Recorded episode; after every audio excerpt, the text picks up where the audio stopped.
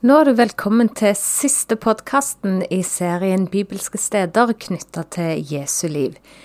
I dag skal vi til gravkirka i Jerusalem, og senere til gravhagen. Et eh, alternativt sted der noen mener Jesus ble korsfesta og gravlagt. Men først skal vi altså til gravkirka i Jerusalem. Og jeg har med meg prest og reiseleder i Israel, Arne Berge. Veien ned til kirka er smale og omgitt av butikker på begge sider, og det er mye folk i gatene. Men plassen foran gravkirka er åpen og ganske store. Vi setter oss på ei trapp i nærheten av inngangen og dekker til skuldre og knær, mens vi venter på å kunne gå inn. Dette er Golgata, gravkirka. Inne her så er stedet der Jesus ble korsfesta, og i tillegg så er òg graven her, her inne. Ja, nå er vi på et sted som er veldig viktig i den kristne trua. For det var her Golgata lå, der Jesus ble gravlagt, og, og Jesu grav rett ved sida av. Der han ble lagt, og der han sto opp fra de døde. Når vi da kom inn i kirka, så gikk vi rett til høyre og så opp ei bratt eh, trapp. Det var jo litt spesielt. Hvorfor er det sånn? Ja, det er rett og slett fordi eh, denne kirka er bygd over Golgata-klippa, som jeg nevnte. Og den klippa er bygd inn i selve kirkestrukturen, altså bygningen. Sånn at eh, når vi da går opp den bratte trappa, så går vi egentlig opp på et lite fjell som da ligger inne i kirka. Eh, men det er jo bygd inn av murer og den slags. da. Eh, og oppå der så er det da to kapell eh, som er knytta til Jesu korsfestelse. Et katolsk og et gresk-ortodoks. Og så går vi ned igjen, og så ligger grava en annen plass. Og da ligger den under den største kuppelen i kirka. Der det er veldig høyt under taket, og det er hvitt og fritt litt rundt den òg, da. Det var veldig mye folk når eh, vi var der, og vi måtte skynde oss litt. Så jeg syns egentlig at det var litt vanskelig å ta inn hva som egentlig hadde skjedd her. Og i tillegg så var alt så fint utsmykka at det var egentlig vanskelig å se for seg de tre korsene hvor eh, Jesus hang på det ene. Hvordan opplever du å være der inne? Ja, jeg opp, i hvert fall første gang jeg var der, så opplevde jeg det sikkert akkurat sånn som du beskriver. Og det tror jeg er en veldig vanlig måte å oppleve dette stedet på. For det er et eh, litt eh, kaotisk bygg på et vis. Blitt sånn opp gjennom historien. Eh, kunne gjerne tenkt seg at det var den vakreste kirka i verden som lå på dette stedet, men det er det ikke. Eh, samtidig så er det veldig mye fine detaljer, sånn som du nevner med dette utsmykningen. Og det er jo eh, Altså, dette er jo utsmykt sånn så andre kristne tradisjoner enn vår norske eh, tradisjon ville gjort det. Her er det mye ikoner, oljelamper, der er dempa belysning, og så er det da overalt masse folk. Og det gjør det jo òg litt vanskelig. Så alt i alt så kan vi si at dette er et veldig viktig sted, men det er et litt eh, sted som kan være vanskelig å ta inn over seg, det som egentlig skjedde der. Videre så eh, kom vi ned og så så vi en eh, stein som lå på gulvet i eh, kirka. Og der så kunne jeg se flere mennesker som la seg ned på kne og kysste denne steinen. Hva var det egentlig? Ja, ja det er jo da et typisk eksempel på at dette er prega av en Altså at kristendommen er en internasjonal religion, og at det, det er mange forskjellige kulturelle uttrykk for dette. Eh, og dette kalles for salvingsteinen, eh, der Jesus ble lagt etter at han var tatt ned fra korset, eh, og salva og sveipt på en måte inn og lagt i grava.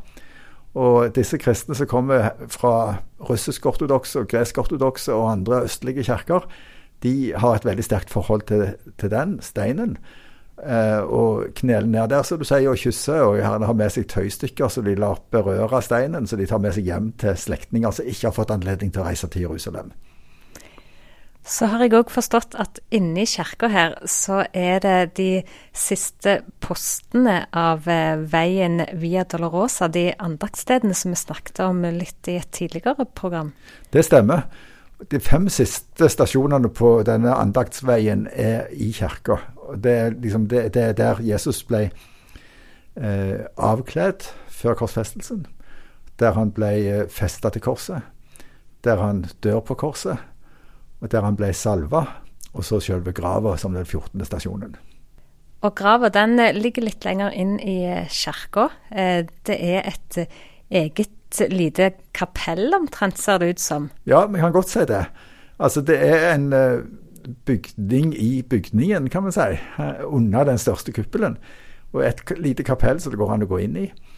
Eh, og den ligger på stedet eh, der Jesus ble gravlagt, men selve grava ligger under, der det, under bakkenivå i dagens Jerusalem. Eh, den bygningen ble bygd veldig tidlig som et eh, tilbedelsessted med tanke på den oppstandende Jesus. Uh, og den er forma sånn at når du går inn, så kommer du først i et lite rom som blir kalt for englekapellet, og så går du videre inn i det som er på en måte selve grava. Der er det en benk av marmor, der er blomster og lys, uh, og folk kan knele ned foran den benken. Uh, sånn at den er bygd som et andaktssted over Jesu grav. Og en kan jo tenke seg at det er selve grava òg, men den har jo da vært ødelagt og bygd opp igjen flere ganger faktisk i historien. Eh, men stedet har vært kjent hele veien, og folk har samla seg der ikke minst hver første påskedag eh, til tilbedelse. Og, og, dermed så har det vært et sted som har vært holdt ved like opp gjennom alle århundrer. Vi gikk ikke inn der fordi det var jo lang kø for å komme inn. Eh, men eh, det er andre graver som vi kan eh, gå inn i, og der tok du oss med. Fortell litt om de. Ja, rett i nærheten av denne Jesu grav, så er det, når vi da går ei dør ut gjennom kirkemuren, så kommer en rett inn egentlig i tror vi kan si at vi kommer rett inn i fjellet der, da, som er rett utfor. Der det er huller og, og graver som er fra det første århundret. og de er mørke og trange. Eh, de er ikke innreda som noe kapell eller sånt. Eh, sånn, det er jo sånn sett ikke så mye å se, men eh, med en lykt så får en jo et litt inntrykk av hvordan det er der inne. Og Gravleggingsskikkene på den tida var jo at en la den døde på ei hylle. og Der ble han liggende til det bare var beina som var igjen. og De ble da lagt i ei lita beinkiste som var veldig liten i forhold til det vi tenker som ei ei begravelseskiste. Eh, og så ble plassen gjort klar for en ny person. Dette er inni en av gravene på Golgata i gravkirka. De som har lyst, kan gå inn i den og liksom, få opplevelse av det inni For det er steinhuet. Ja, Kan du si litt om historien til gravkirka? Ja, den har en veldig lang og, og spennende historie. Altså, det, jeg skal ta den helt kort. Altså, det begynte med at dette var et sted som lå utenfor bymuren på Jesu tid. Eh, der det var et eh, rester av et gammelt steinbrudd. Der Golgata-klippet var en del av disse restene. Eh, så eh, ca. Ja, ikke så veldig lenge etter Jesus eh, døde og sto opp, så ble dette bygd inn i byen. By, nye bymurer, og byen ble utvida. Eh, så kom vi til 300-tallet, når dette ble en del av en kristen by i det kristne riket til Konstantin. Eh, og Da ble de første kirkene bygd i Jerusalem. Og Da bygde en ei stor kirke over dette stedet. Konstantins kirke var mye større enn den som er i dag. Eh, og den inneholdt både Golgata-klippa og Jesu grav. Så var det ei kirke som sto i en del hundre år, men etter hvert så ble han ødelagt. Eh, og når korsfarerne kom på 1100-tallet, så eh, bygde de gravkirka opp igjen. Grava hadde vært der hele veien, og, og, bruken av stedet hadde vært der hele veien, men det hadde nok stått i ruiner, mer eller mindre. Eh, så, eh, har, sånn at Den kirka som vi har i dag, den er i stor grad prega av korsfarertida, egentlig. Og så har det og siden den tid, det er jo 1000 år siden det òg, da, eh, så har det vært både jordskjelv og branner og ting som har gjort at eh, dette har blitt et litt uoversiktlig kirkebygg. Er det noe du har lyst til å si helt til sist om gravkirka i Jerusalem? Ja, eh, nettopp dette at det er et litt uoversiktlig og litt merkelig bygg. Eh, for meg så har det sånn at når jeg har vært der mange ganger, så er det jo sånn at helligheten ved stedet bare har vokst fram mer ved å være der flere ganger. For da vet jeg mer hva jeg går til. Jeg forstår mer, og jeg ser, vet mer hva jeg skal se etter. Eh, og eh, dermed så eh, blir det et fint og viktig sted, selv om det er mye støy kan du si, visuelt og, og lydmessig òg. En av de fineste opplevelsene jeg har hatt, har vært å knele ned mot han nattværen rett utfor åpningen på Jesu grav. En tidlig morgenstund før daggry. Eh, så kan jeg òg bare som en avslutning si det at denne kirka Vi er vant med å kalle den for gravkirka. Og det er vår europeiske tradisjon, egentlig. For i Midtøsten og i østlige kristne ellers, de vil heller kalle den for oppstandelseskirka. Og det er jo egentlig et mye finere navn. Nå skal vi forflytte oss til gravhagen, og kalt Gordons Golgata i Jerusalem. Gravhagen er et annet sted som noen tror er plassen hvor Jesus ble gravlagt. Det drives og tas vare på av en uavhengig britisk veldedighetsstiftelse som heter The Garden Tomb Association. Gordons Golgata besøkes spesielt av protestantiske kristne fra ulike deler av verden, og nordmenn. Først har vi et opptak av noen viktige ord som står på et skilt i denne parken. Han er ikke her. Når vi går inn i gravhagen, så kommer vi til en fin park med stier og små steder som en kan ha samlinger i skyggen. Kan du fortelle litt om dette stedet her? Ja, det ligger bare noen få hundre meter fra gamlebyen eh, i det palestinske Øst-Jerusalem, i sentrum av det, den delen av Jerusalem. Eh, der er det eh, bak høye murer så kommer vi inn i en helt stille og fin hage. Veldig kontrast til resten av det sentrale Jerusalem, der det er alltid mye støy og mye folk. Eh, og dette ligger òg rett ved sida av den eh, palestinske busstasjonen i Øst-Jerusalem. Det, det, er masse busser i området, men, men, akkurat hagen er veldig fredelig likevel. Og denne hagen den inneholder to eh, viktige ting. Eh, jeg, vi ser fra et utsiktspunkt over til ei klippe eh, så kan sies å, å se ut som en hodeskalle. Eh, og det andre er at det er en veldig gammel grav som ligger inni denne, inni denne hagen. Hvordan eh, blir denne her parken brukt? Det blir brukt sånn at denne engelske organisasjonen tar imot folk som kommer der. Eh, de holder parken veldig fin. Masse blomster og flotte prydbusker og alt mulig sånt. De har egne guider, sånn at når de tar imot folk, så har de folk som på en måte kjenner akkurat det stedet ut og inn eh, som følger enten enkeltpersoner eller grupper, eh, og viser fram de forskjellige attraksjonene. Eh, og eh, så blir det òg brukt sånn at eh, en eh, får ro og fred til å være for seg sjøl. det er en fin andaktsplass. og så når, folk er ferdige der, så blir en leda ut gjennom en en butikk, egentlig først og fremst en bokhandel, men òg med en del gjenstander som kan knyttes til stedet og til besøk eh, i Israel generelt. Eh, så selvfølgelig de vil ha folk til å kjøpe, kjøpe ting der før vi går der fra stedet. Inne i parken så er det, sånn som du nevnte, utsikt til ei klippe som eh, skal se ut som en hodeskalle.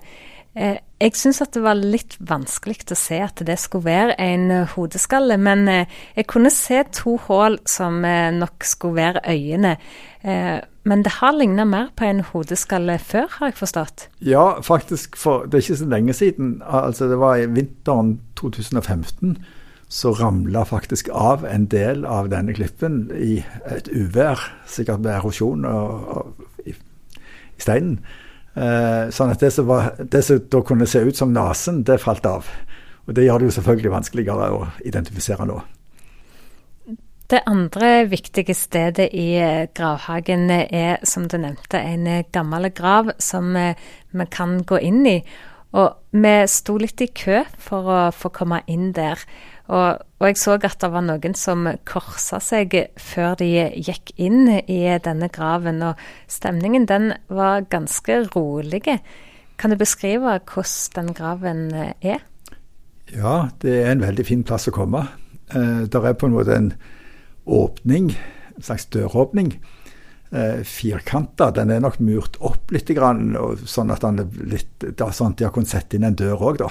Eh, dette er en veldig gammel grav. Eh, og du kommer først inn i et kammer. Og så er det et eh, jerngitter, eh, så, så, det som vi kan se gjennom inn til det selve gravkammeret som ligger ved sida av. Eh, der er det benker så de kunne legge de døde på. Eh, og eh, på denne døra så står det et skilt. 'He is not here, for he is risen'. Altså, han er ikke her, for han er stått opp. Som da viser til Jesus? Ja, fordi dette er jo et sted så de som driver det, har i hvert fall historisk for, for 100, snart 150 år siden eh, tenkte seg kunne være et alternativt sted til gravkirka for den historiske hendelsen med Jesu død og oppstandelse. Eh, og, så det er det som blir vist fram, sånn at denne klippa som jeg mener ser ut som en hodeskalle, det tenker en seg da er et, et alternativt Golgata. Eh, og, og Golgata betyr hodeskallestedet, så det liksom ut ifra det at, så kan en jo tenke seg at det betyr at det skulle se ut som ansiktet på en hodeskalle. Ehm, det kunne jo òg vært fra baksida, altså en rund eh, fjellklippe, selvfølgelig. Eh, og så tenker en seg da at denne grava, som jo er veldig gammel, kunne eh, være Jesu grav. Fins det eh, historiske fakta som eh, knytter det til akkurat dette stedet? Nei, det gjør faktisk ikke det. Sånn at det er Eh, og de som driver stedet òg, er veldig mye mer forsiktige nå enn de var for 100 år siden. Pga. at den historiske forskningen har gått fram og absolutt taler i retning av at det skjedde der gravkirka ligger nå. Eh, men eh, de, de, de, er litt mer forsiktige i måten å uttrykke seg på når det gjelder at de sier kanskje at ja, det kan ha skjedd her. Um, uansett så kan du si at det er i Jerusalem, og det er ikke snakk om en, det er maksimum en kilometers avstand mellom disse to stedene. da. Hvorfor har eh, dette stedet blitt utpekt som eh, et sted for eh, Jesu grav? Det var altså en berømt engelsk offiser på 1880-tallet 1880 som var i Jerusalem en periode. Og, og, da var det en teori som noen hadde framheva at denne grava i denne hagen kunne være Jesu grav. Men det var ingen som hadde tatt det særlig alvorlig eller seriøst. Men så fikk han et, eh, nærmest et syn eh, for sitt indre der han så at dette måtte jo være stedet, og at denne, denne klippa ved siden av måtte være Golgata-klippa. Sånn at eh, dette er en identifikasjon av stedet som ikke bygger på historiske fakta eller på forskning eller noe som sånt, men det bygger, egentlig på én en enkelt person sin overbevisning. Men nå var han en såpass berømt person i England at han faktisk greide å skape en opinion som etter hvert òg gikk med på å samle inn penger for å kjøpe dette stedet og bygge opp denne parken. Og parken er oppkalt etter han? Ja, i hvert fall ett navn på stedet er Gordons Golgata. Eh, men eh, det mest eh, det Navnet offisielt er nok Gravhagen, altså en engelsk Garden Tomb. Når du ikke tror at det var her eh, det skjedde at Jesus ble gravlagt, hva betyr det da for deg å komme dertil? Det betyr faktisk mye for meg likevel. Fordi eh, det er et sted som kristne har bygd opp mer om ja, mer for å framheve selve hendelsen med Jesu oppstandelse enn akkurat lokaliseringa. Og de har gjort det veldig fint. Og det er et flott andaktssted å komme, og det er virkelig en plass som kan gi en i større grad enn gravkirka gi en opplevelse av hvordan det kan ha vært der Jesus ble gravlagt.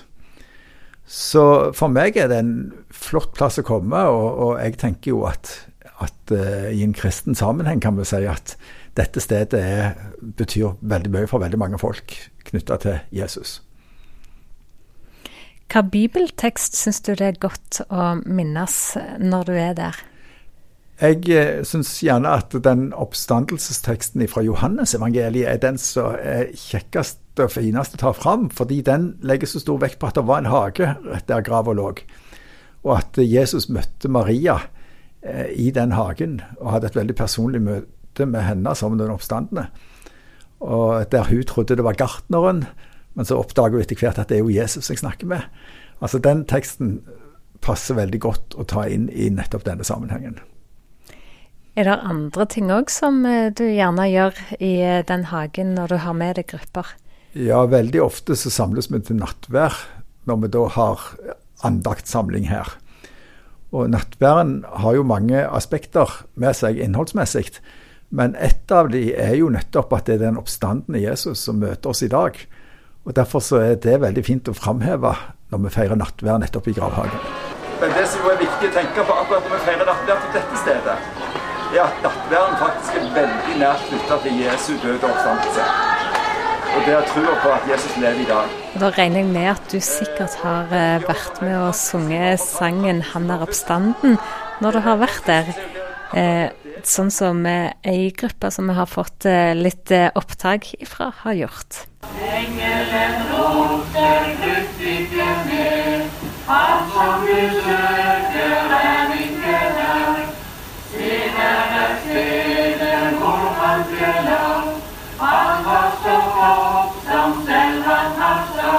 Har du noen eh, spesielle opplevelser fra gravhagen? Ja, det har jeg. Eh, jeg har vært der flere ganger, men den gangen jeg har lyst til å framheve, det var eh, en påske jeg var i Jerusalem, og der jeg var med på en skandinavisk fellesgudstjeneste i gravhagen på første påskedag om morgenen. Og da eh, samla kristne fra Danmark, Sverige og Norge seg der, i hvert fall. Sikkert flere òg, men, men, det var, det var det, sånn det var organisert. Og det var prester fra de tre landene som var med og delte på ledergudstjenesten. Og vi sang alle de kjente påskesalmene på våre egne språk. Eh, så det var en fantastisk påskedagsfeiring, egentlig. Og den, den er den som står sterkest igjen fra de gangene jeg har vært i gravhagen. Husker du en av sangene som dere sang? Deg være ære. Det er nok den jeg For meg er det den fineste og viktigste påskesangen.